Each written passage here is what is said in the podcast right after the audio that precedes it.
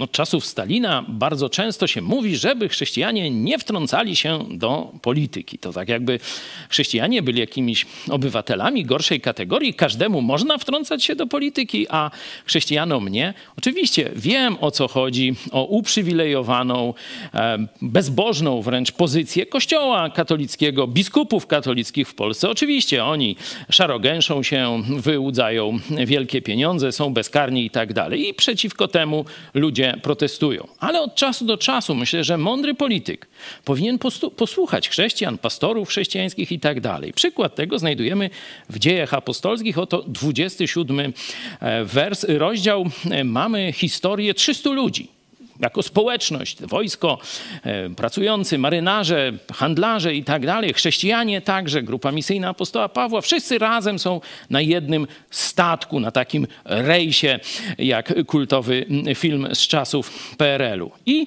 znajdują się w październiku gdzieś w tych czasach w okolicach Krety i myślą, czy płynąć dalej, czy przezimować. I Paweł radzi, dziesiąty werset, mężowie, przewiduję, że dalsza żegluga będzie związana z niebezpieczeństwem i z wielką szkodą, nie tylko dla towaru i statku, ale i dla naszego życia.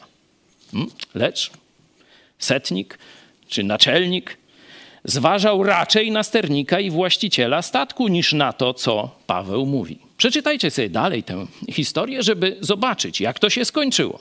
Żeby zobaczyć też, że Bóg jest łaskawy nawet dla głupich polityków. Dostali od Boga ostrzeżenie, zrobili po swojemu, a Bóg dalej ich kocha, dalej jest łaskawy, dalej daje im szansę. To samo jest z nami.